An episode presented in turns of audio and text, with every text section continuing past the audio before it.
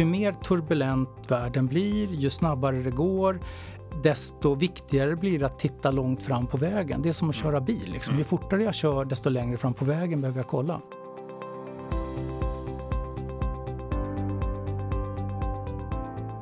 Varmt välkomna till eh, Konkurrenskraft och eh, ja, det är ju eh, podden där vi fortfarande pratar om framtidens beslutsfattande, verksamhetsstyrning och ledarskap. Och eh, ja, det är väl det där första ordet som kanske kommer vara i eh, fokus det här avsnittet, tänker jag, framtiden. För det kommer vi prata mycket om idag, för idag har vi med oss eh, just en expert på framtidsanalys och framtidsfrågor.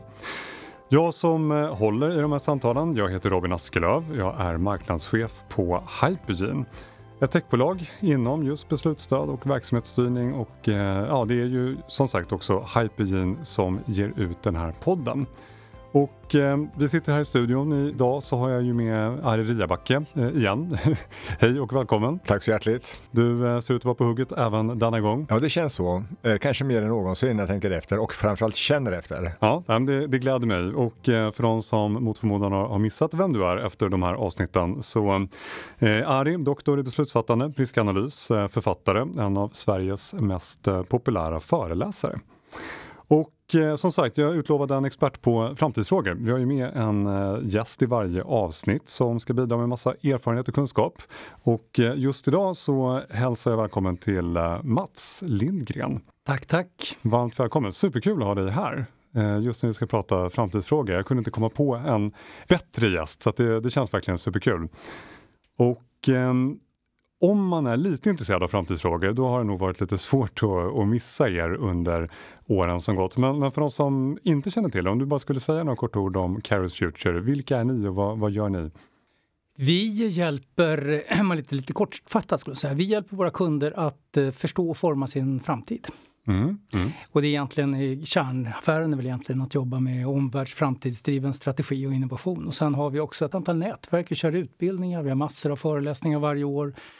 Vi har en startup som vi har slängt ut alldeles eh, i år som eh, det vi har egentligen tryckt ner våra egna AI-drivna analysmetoder i en eh, Analytics-plattform. Okej, okay, spännande. Vi, vi kommer faktiskt komma tillbaka till vad ni gör för någonting, för ja. det, det, finns mycket man kan prata om eh, kopplat till det. Eh, det man kan säga mer om dig det är att du, du har ju lång erfarenhet som eh, forskare, konsult inom ledning, strategifrågor, framtidsfrågor. Publicerat ett dussintal böcker har jag läst mig till. Eh, och eh, hållit flera tusen föreläsningar. Så det, det är många hack i bältet där. Det blir eh, mycket med åren. Ja, mm. ja men kul. Vi kommer komma tillbaka som sagt till, till mycket av det du har gjort och, och inte minst det ni gör på, på Caris Future också. Eh, jag tänkte att för, för att liksom komma igång så kommer vi köra lite samma typ av inledning som vi har gjort i, i alla de här avsnitten. Några snabba frågor eh, och lite snabba svar. Sådär. Mm. mm. Känns det okej? Okay? Ja. ja. Eh, jag tänkte börja med, med det här med att ha kul på jobbet, för det är viktigt. När har du som roligast på jobbet?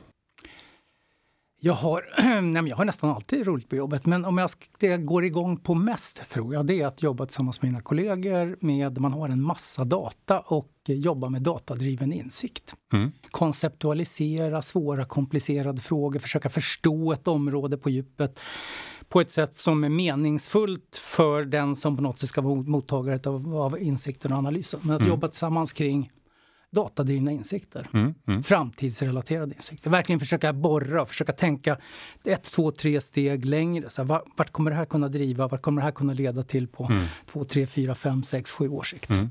Och eh, nu ska vi prata mycket framtid, men om vi går tillbaka, bara tittar ett år tillbaka, vad, vad är du mest stolt över, vad, vad ni har gjort senaste året? Ja, men om man ska titta på det vi har gjort på det senaste året eh, som bolag, alltså egentligen så som team skulle jag säga. Det, hela vårt team, även då, det, det jag alldeles nyss näm nämnde, då, det här eh, Analytics-teamet, det är nog att egentligen att lyckas bygga upp en ny ett nytt bolag mm. med en helt ny arkitektur kring hur man driver, jobbar med analys av stora och strukturerade datamängder. Okej, okay. blir man nyfiken. Kan man säga någonting kort om vad det handlar om? Ja, det är, alltså, det, det är en, det har vi tagit fram. Det är en analytics-plattform som bygger på det vi har jobbat med ungefär tio år. Vi började, mm. vi började med big data innan big data hette big data i mm. slutet på 00-talet. Men jag scrapar webben på social mediedata, tillämpar statistik matematik på det där, börjar bygga små algoritmer, för det fanns inga verktyg mm. egentligen som kunde göra det vi vill göra. Nu har vi tagit alla de där verktygen, stoppat in dem i en, byggt en, en eh, software as a service, en sån molntjänstlösning. Okay. Som, eh, där, vi kan, där vi gör analyser som kanske för oss tar sex minuter och det tar sex timmar att göra någon annanstans. Okej, okay. intressant. Inspiration misstänker jag att du behöver mycket av, eh, annars är det svårt att, att göra analyserna framåt. Var, var, hittar du inspiration någonstans? Ah, I princip överallt. Sen är jag inte så svår inspirerad. Hittar jag bara någonting som är lite nytt och lite spännande och intressant så grottar jag gärna ner mig i det. Mm. Ja, men kul. Och Ari, du ska mm. också få, få värma upp lite. Tema inspiration. Vad har du varit med om sista veckorna där du känner att ah, men det där tar jag med mig och, och väver in i, i liksom det jag gör på scen? Alltså det är många tankar som dyker upp när eh, du ställer frågor här om att svara redan i detta tidiga skede. Mm. Eh, när vi analyserar data och eh, jag tänker på hur affären ser ut, retail om vi nu tar en sån bransch som alla är mm, familjära mm, med i någon mening. Så var vi med om någonting igår som verkligen satt sina spår hos oss. Eh, för vi ser att många kedjor, stora och även små affärer, de kämpar ju hårt eh, och, och i, i, kamp då med det som säljs på nätet till exempel. Mm. Men då var vi med om att eh, istället för att köpa sulor att gå bara och trampa i ett gipsavtryck så fick vi erfara hur man skannar sulorna med en 3D-skanner, på tal om digitalisering. Mm. På 15-30 sekunder och sen skickas den här, eh, alltså ja, det som är inskannat helt enkelt, till ett labb där man utformar sulorna och så kommer de på posten. Så vi väntar på våra sulor från Ortolab här nu om någon vecka. Okay. Så det ska bli fantastiskt. Och det där är ju sån en riktigt kittlande tanke där man använder ny teknik, får in kunder till affärer och verkligen kan göra det lilla extra som man inte kan köpa rakt över disk på nätet. Mm. Nej, det är en ny nivå av skräddarsytt. Ja. ja. Men det har tagit tid. Det har tagit tid. Jag, men, ja, jag skrev en bok 85. ja, ja. där, där, för redan då började man prata om det här med att vi ska ha helkroppsscanning utav, ja. Och, så, och sen mm. så här, automatskräddarsydda kläder och sådär. Så det är knappt där ännu. Nej, Nej. Men tekniken finns. Tekniken, och det här är ju ett fascinerande exempel på det. När man kan eh, skanna någonting som är ganska individuellt om mm. man uttrycker det så, mm. just fötterna.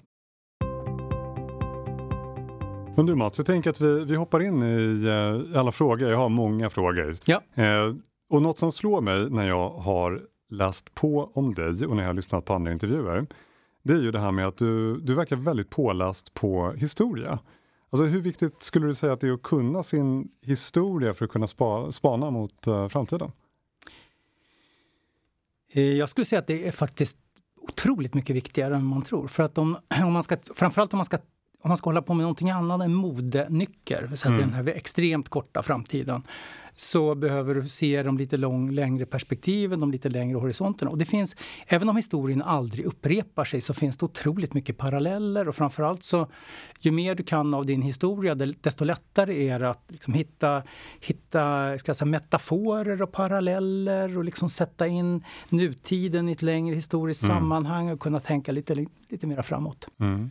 Så där, jag tror att vi underskattar eh, framtidens betydelse. En av en av våra kollegor som eh, har varit med väldigt länge, över 20 år på Kairos, och dess, dessförinnan så var han forskningschef på Institutet för framtidsstudier. Han mm. är docent i historia, Thomas Fürth.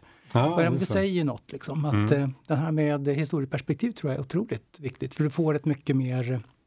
Ja, man får liksom en annan horisont på mm. det man håller mm. på med. Mm. Ari, vad säger du? Nej, jag, tänker, jag håller med Mats, eh, helt och hållet. Jag brukar säga att utan vår historia har vi ingen framtid. Eh, samtidigt så ska man höja ett varningens finger för väldigt många. De extrapolerar på det som har varit, som om det skulle komma en fortsättning på det.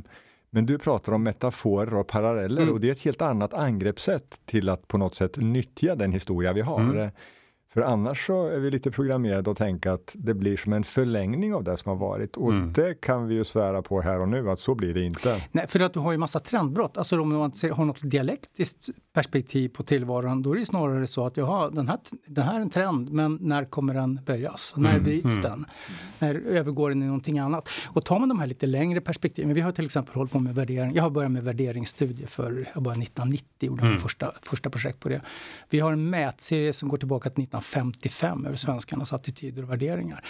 Och då, då bör man ha data, så det räcker med de sista 20 åren. Om man jämför till exempel på eh, de som har, ta den här åldersgruppen 20-åringar, så tittar man på dem. Hur, vad tycker 20-åringar över tiden? Ja, då ser man ett tydligt trendbrott med de som är födda ungefär 85. Mm. Där vänder trenderna. Mm. Och det där är ett sånt här exempel på, på brott. Och då, då, kan du, då kan du se dem, ja, när de där 85orna blev 15, då började drickandet bland 15-åringar gå ner. Mm.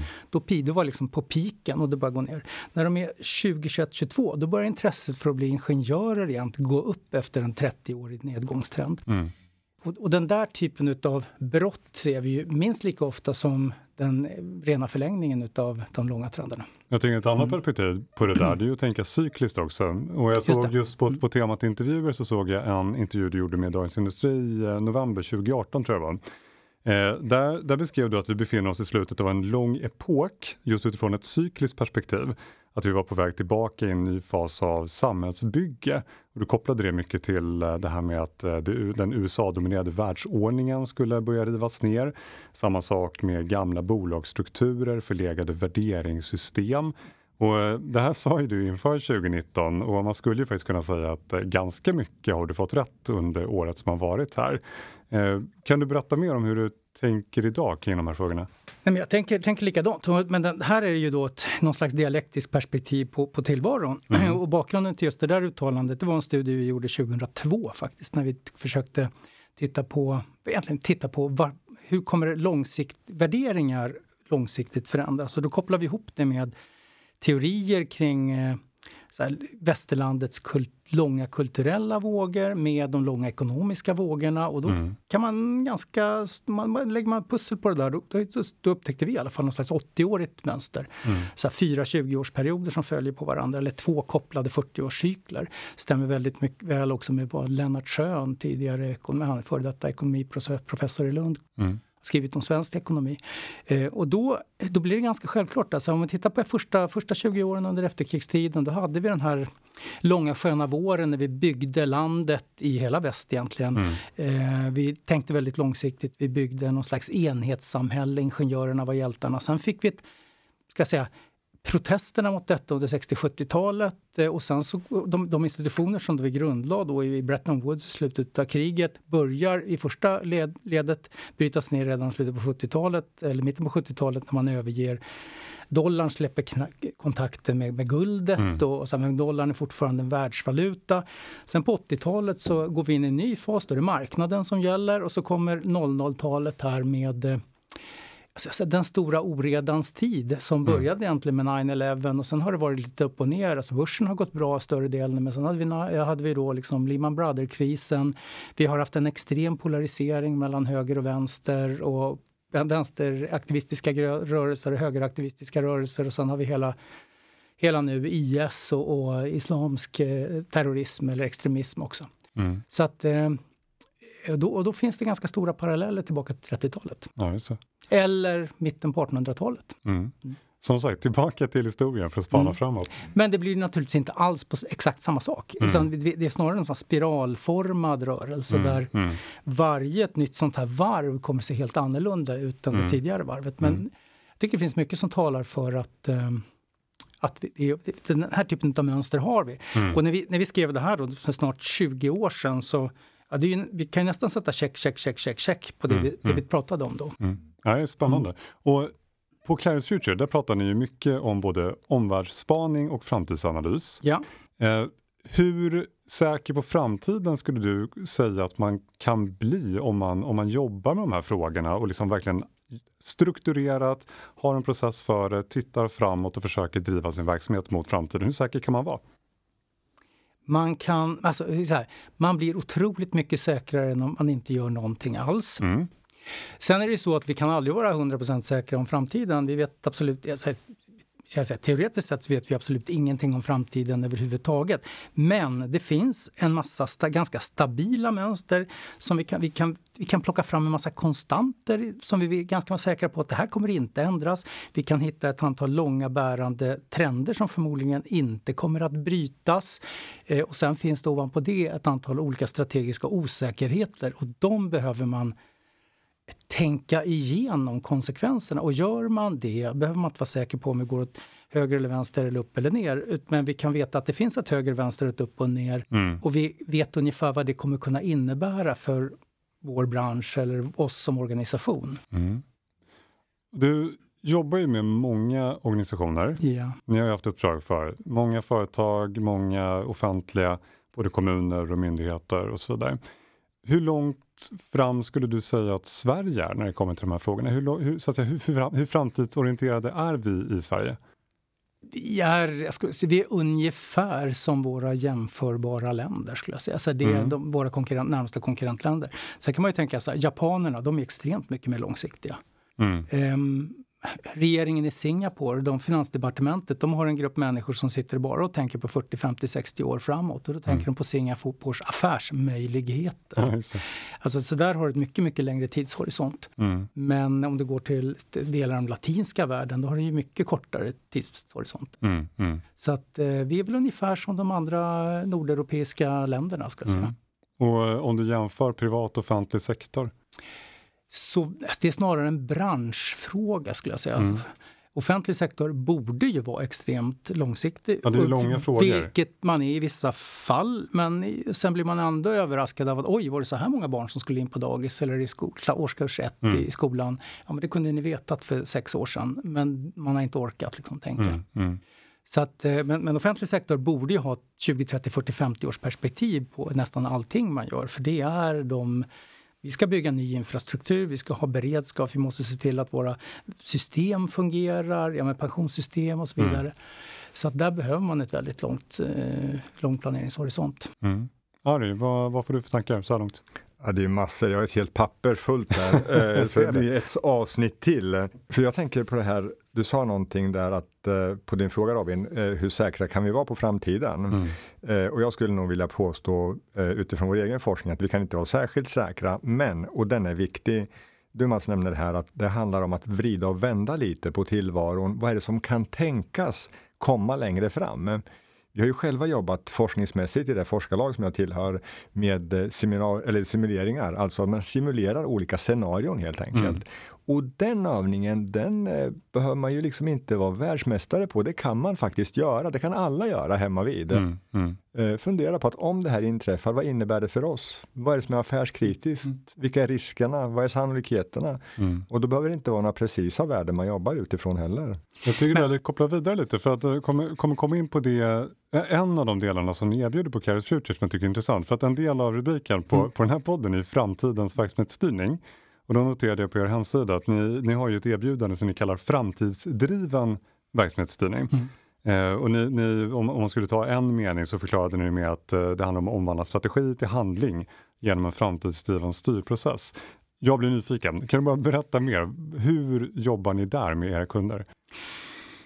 Rätt, väldigt enkelt ska jag säga. Så här, det, det, vi, har så här, vi har en grundparadigm eller grundmetodik som vi jobbar med och det, vi kallar den för TAIDA. Den har hetat i 25 år drygt. Och det står för Tracking, Analyzing, Imaging, Deciding and Acting. Och det är mm. egentligen en om, egentligen framtidsdriven eller omvärldsdriven strategi och innovationsprocess eller verksamhetsstyrningsprocess. Mm. Egentligen så här, där man säger så här, om de flesta verksamhetsstyrningsmodeller eller strategimodeller, de utgår från att man man tittar inåt och man tittar bakåt. Man har data, vi vet vad vi har gjort och vi vet vad, vi, vad som finns i vår organisation. Vi hävdar det eh, med visst fog också. Det finns, börjar finnas en hel del empiri då, som visar mm. att det här är viktigt. Det är att titta utåt och titta framåt. Försöka mm. titta liksom mot omvärlden och ta det som utgångspunkt för vad du faktiskt ska göra. Sen måste du matcha det mot vad vi kan och mm. vad vi vill göra. Eh, och det, och det är egentligen utgångspunkten för den här processen också. Vi mm. börja med att titta på vad är det för stora trender eh, eller förändringar i omvärlden som vi måste ta höjd för, vi måste kunna agera på. Sitter man i en offentlig verksamhet då, mm. på en verksamhetsutvecklingsenhet eh, eller ska bedriva någon strategiprocess, ja men då finns det de här demografifrågorna. Det finns vad händer med skattekraften, vad mm. händer med ditten och på datten? Och, och tänka till lite längre än man normalt sett orkar göra. Mm. Jag tror att de flesta av oss idag är lite för lata. Vi orkar inte liksom tänka tankar till slut. Vi säger så här, digitalisering. Ja, och nu tror vi att vi vet vad digitalisering innebär. Men mm. hur många har tänkt igenom vad, vad menar vi med digitalisering? I vilka avseenden? Vad innebär det här? Mm. Och börja tänka liksom konsekvenser och konsekvensers konsekvenser och konsekvensers konsekvensers konsekvenser Ja, några steg till. Mm. Och det är den första fasen av egentligen det vi gör i den här eh, omvärldsdrivna verksamhets eller framtidsdrivna verksamhetsstyrningsprocessen. Mm, Du måste rita upp din omvärldskarta eh, och ha det som en utgångspunkt för att ta fram strategier, Mm. planer Mm. som du sen kan ska framtidssäkra. Vi säger att de här aktiviteterna vi ska göra här borta Leder, leder de till att vi tar höjd för de här omvärldsförändringarna? Mm. Leder det till att vi uppnår de mål och verksamhetsmål vi har, någon Mm. slags vilddimension? Tar det, eh, är, det här, är vi särskilt lämpade för att göra det här eller har vi de resurser som krävs för att göra det? Då får du liksom en tredje utvärderingsmodell. Då. Okej, och de här frågorna, eh, att fråga dig om det är viktigt kanske då är, är lite Mm. meningslöst. Men, men jag tänker hur viktigt det är inne i organisationer och hur man kommer jobba med det här i framtiden. För menar, om man tar en titel till exempel som futurist, det ser man i många föreläsare till exempel som, som kallar sig futurister. Hur vanligt tror du- att det kommer vara att man ser den typen av roller inne i organisationer? Framtidsanalytiker, scenarioutvecklare, alltså nästan på nivån framtidscontroller. ja. Sådär. Just nu så håller det på att bli vanligare igen. Mm. Men det där, om man tar det långa perspektivet igen, det där har ju gått i vågor. På 70-talet var det väldigt populärt med framtiden och man höll på med long range planning och alla Mm, stora mm. bolag hade gigantiska avdelningar som gjorde det där. Sen kom vi in i 80-talet, vi tyckte att saker och ting var så turbulent så då monterade man ner allting. Sen kom vi in på 90-talet, då började man i, i, bygga upp det lite grann. Det hette omvärld istället så i Sverige. Eh, business intelligence hette det på andra håll och sen var det lite competitive intelligence och så. Mm. Eh, men, men nu har det ökat igen i betydelse och jag tror att ett av skälen till det är att eh, lite så, ju mer turbulent världen blir, ju snabbare det går, desto viktigare blir det att titta långt fram på vägen. Det är som att Mm. köra bil. Liksom. Ju Mm. fortare jag kör, desto längre fram på vägen behöver jag kolla. Just det. Intressant. Och Ari, jag brukar ju fråga dig kopplat till att du har många mentorsuppdrag för chefer. Mm. Hur mycket pratar du framtid i de samtalen? Nästan allting.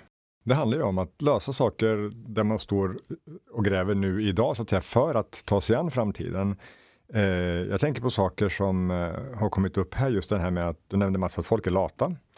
Eh, och det är vi ju, liksom, en del döljer till bättre än andra. Ja, eh, så är det. Men hjärnan är ju Ja, men, men det, är ju liksom så det, om. funkar och, och då innebär det att vi, vi är väldigt kortsiktiga.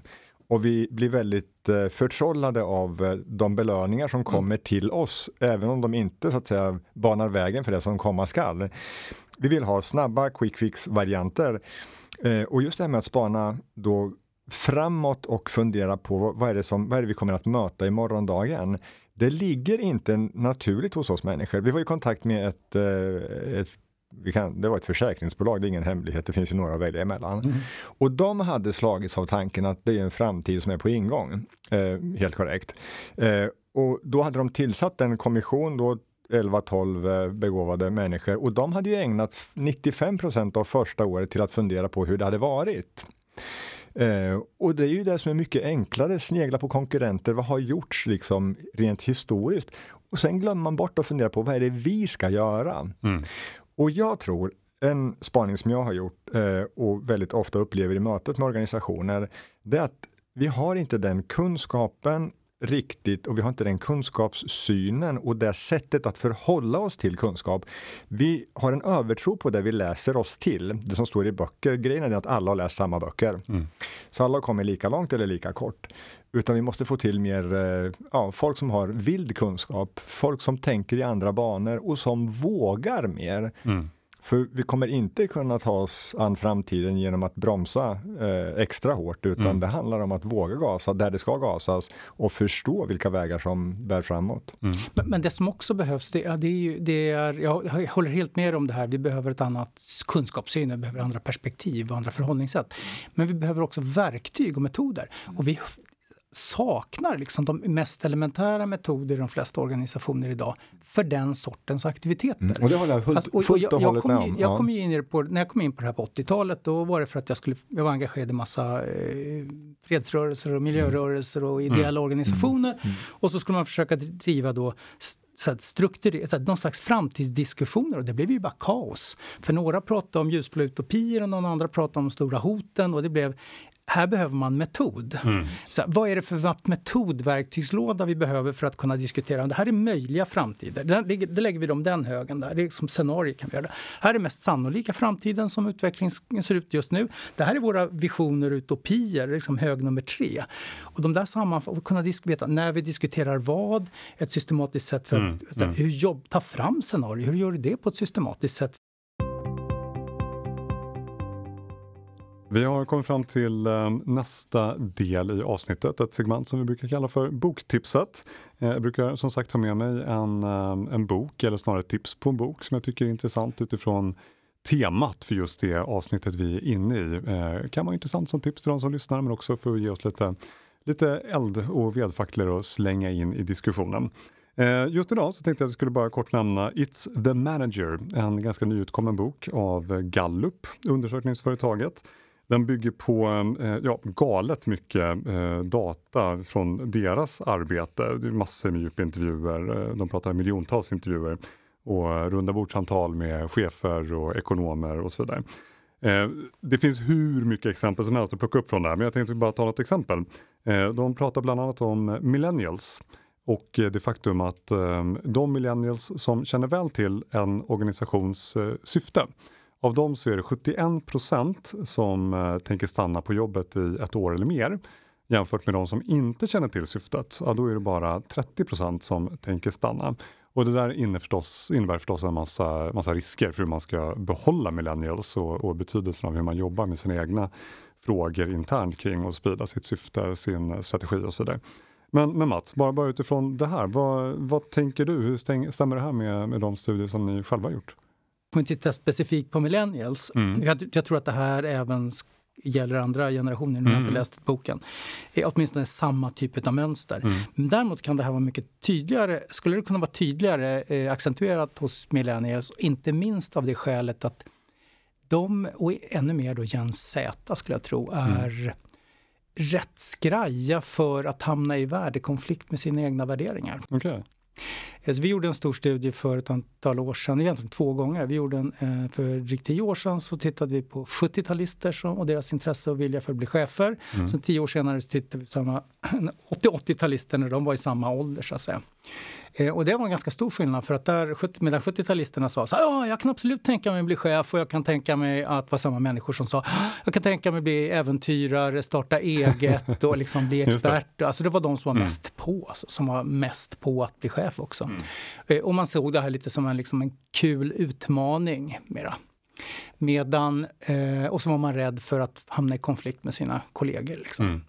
Medan den här eh, 80-talistgenerationen, det var starkast bland de som var födda på slutet på 80-talet, ännu starkare där. De eh, såg det här, ah, men jag kan tänka mig att bli chef eh, som en livslång uppgift, mycket mer starkare commitment. Mm. Men om det inte, jag inte hamnar i konflikt med mina egna värderingar. Mm. Så där var det liksom det som var den starkaste restriktionen, förutom att man ska kunna ha ett liv också. Mm. Ungefär samma. Mm.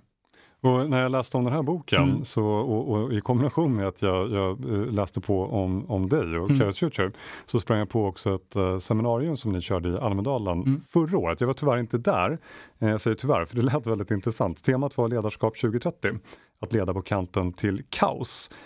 Och grundfrågan där, det var hur man organiserar och leder framgångsrika organisationer som lever med det ni kallar då en accelererande yttre och inre komplexitet. Och Det känns som att det, det, det angränsar väl lite till de här mm. frågorna. Kan du bara berätta lite kort om vad, vad de viktigaste slutsatserna i, i det seminariet var?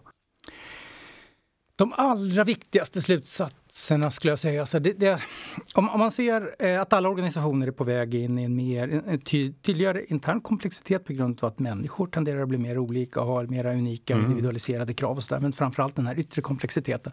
Alltså det som behöver, det, det, man, det här blir liksom löjligt enkelt, man säger så här, vi måste vara mera på, vi måste mera, vara mera innovativa, mm. vi måste vara mera framåtlutade och vi måste våga släppa släppa eh, på rigida system och rutiner. Mm. Och det där är ju lättare sagt än gjort, men man måste öppna upp sig. Och det är egentligen det vi har pratat om tidigare. Man måste öppna, våga öppna upp sig mer mot, mot framtiden. Man måste mm. kunna vara mer pådrivande och också ha ett mer dialektiskt förhållningssätt liksom, till både till omvärlden och till organisationen som sådan. Mm.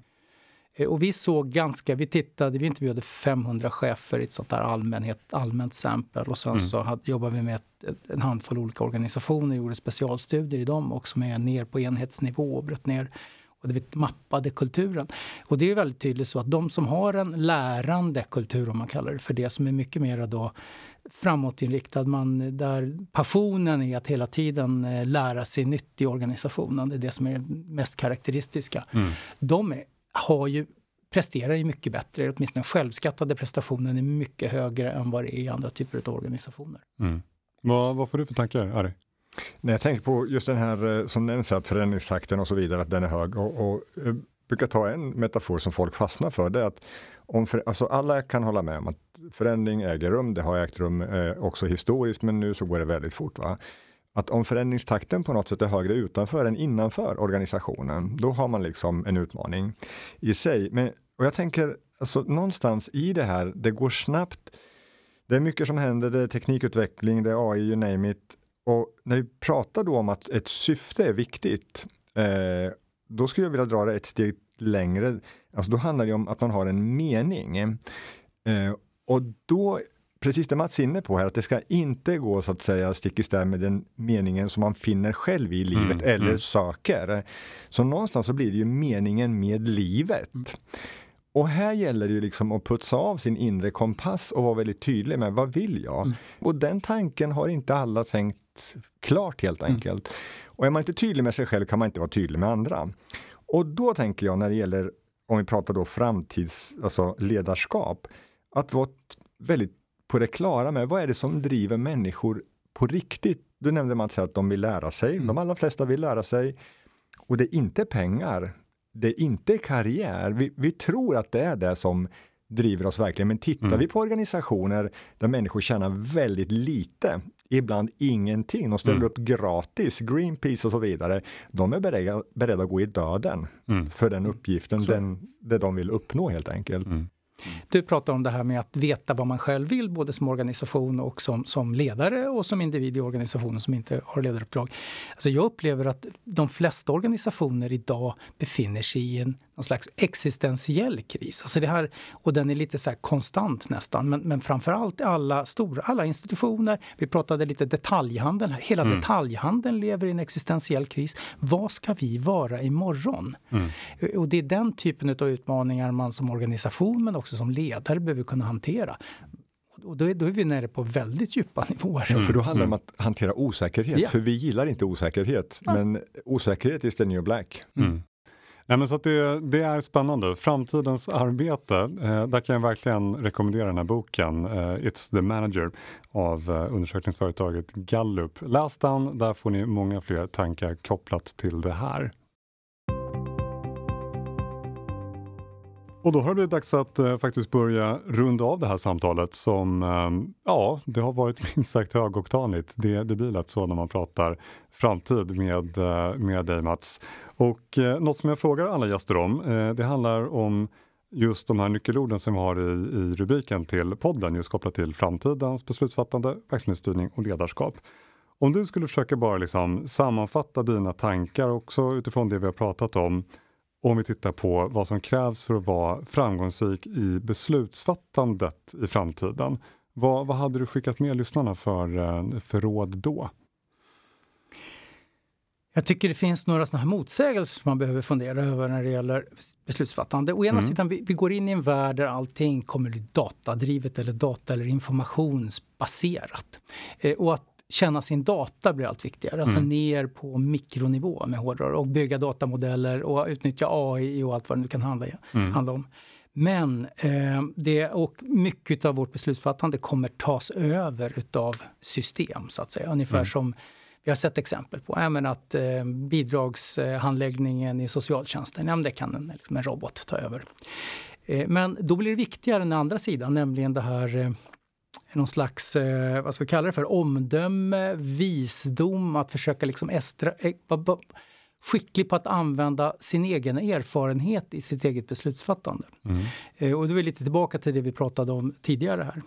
Det där är den ena så att säga, motpolen där man måste vara skicklig på att hantera båda ändarna. Mm. Den andra skulle jag eh, säga, den handlar om att hur vi det, det blir viktigare att vara framåtlutad, vara driva på som ledare, ledare, att kunna spänna upp den här möjlighetshorisonten som de här som vi talade om tidigare, Elon Musk och andra, mm.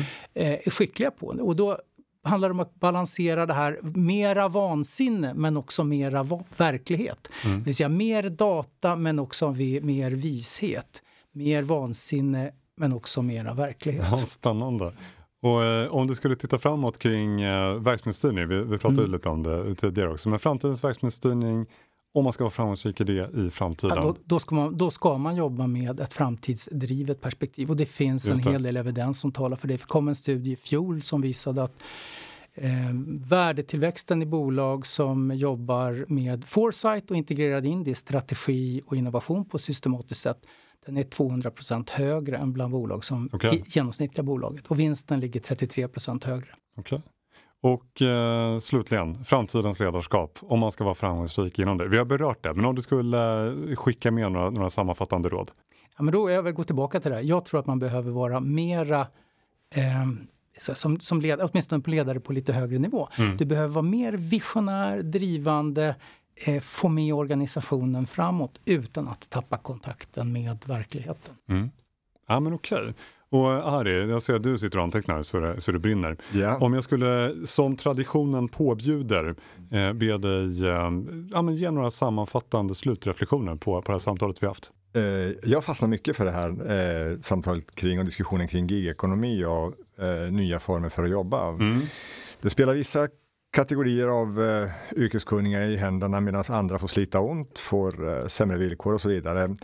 Eh, jag tänker på när jag själv började undervisa i organisationsteori då, ledarskap eh, 90-tal, så pratade jag tidigt om det här skillnaden mellan, alltså eller steget mellan anställningstrygghet och anställningsbarhet. Mm. För det är en väsentlig skillnad. Vi har länge levt i en villfarelse om att staten ska ta hand om oss. Så är inte fallet längre. Eh, vi ser också att eh, vi har sett för ganska många år sedan, 10-15 eh, år sedan, hur människor inte längre jobbade på 100% tjänster i samma utsträckning som man har gjort eh, rent historiskt. Och då hamnar vi i, en annan, eh, i ett annat läge när det gäller lojalitet, när det gäller engagemang, hur mycket man identifierar sig med organisationen. Och då skrivs kontraktet om ganska omedelbums. Mm. Och då krävs ju ett helt annat ledarskap när folk kanske inte är på plats. Eh, de är inte lika så att säga själsligt besudlade av mm, verksamhetens mm. vardag. Eh, men jag skulle vilja påstå att nu har vi kommit till ett ytterligare steg, eh, det vill säga från anställningstrygghet till anställningsbarhet till att finna nya vägar och att man ska nästan kunna släppas ner med fallskärm vart som helst i världen och kunna vara till nytta. Det vill säga att man ska ha en så unik kunskap och man ska vara så unik så ingen dator kan göra det man själv kan bidra med. Mm. Eh, och kunna göra det i väldigt många olika kulturella sammanhang. Och med de orden så tänker jag att jag rundar av det här samtalet som har varit eh, ja, minst sagt högoktanigt. Jag får verkligen tacka dig Mats för att du har varit med och eh, Ari, tack till dig igen för att du har varit med.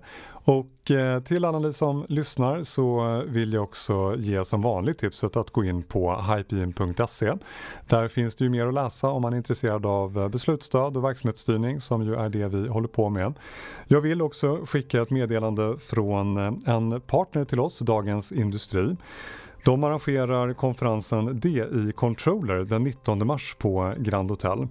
Om du är controller och lyssnar på det här så kan jag verkligen rekommendera att gå på den konferensen för att ta del av trender och eh, utveckling. Och eh, vi på Hypegen, vi är huvudpartner till eh, DI Controller. Så om du går in på hypegen.se controller så kan du ta del av ett erbjudande där, där du får 30% rabatt på anmälningsavgiften. Det är begränsat antal platser så att eh, skynda dig att gå in. Och eh, ja, med de orden, stort tack återigen och eh, tack till alla ni som har lyssnat och ha en fortsatt riktigt bra dag.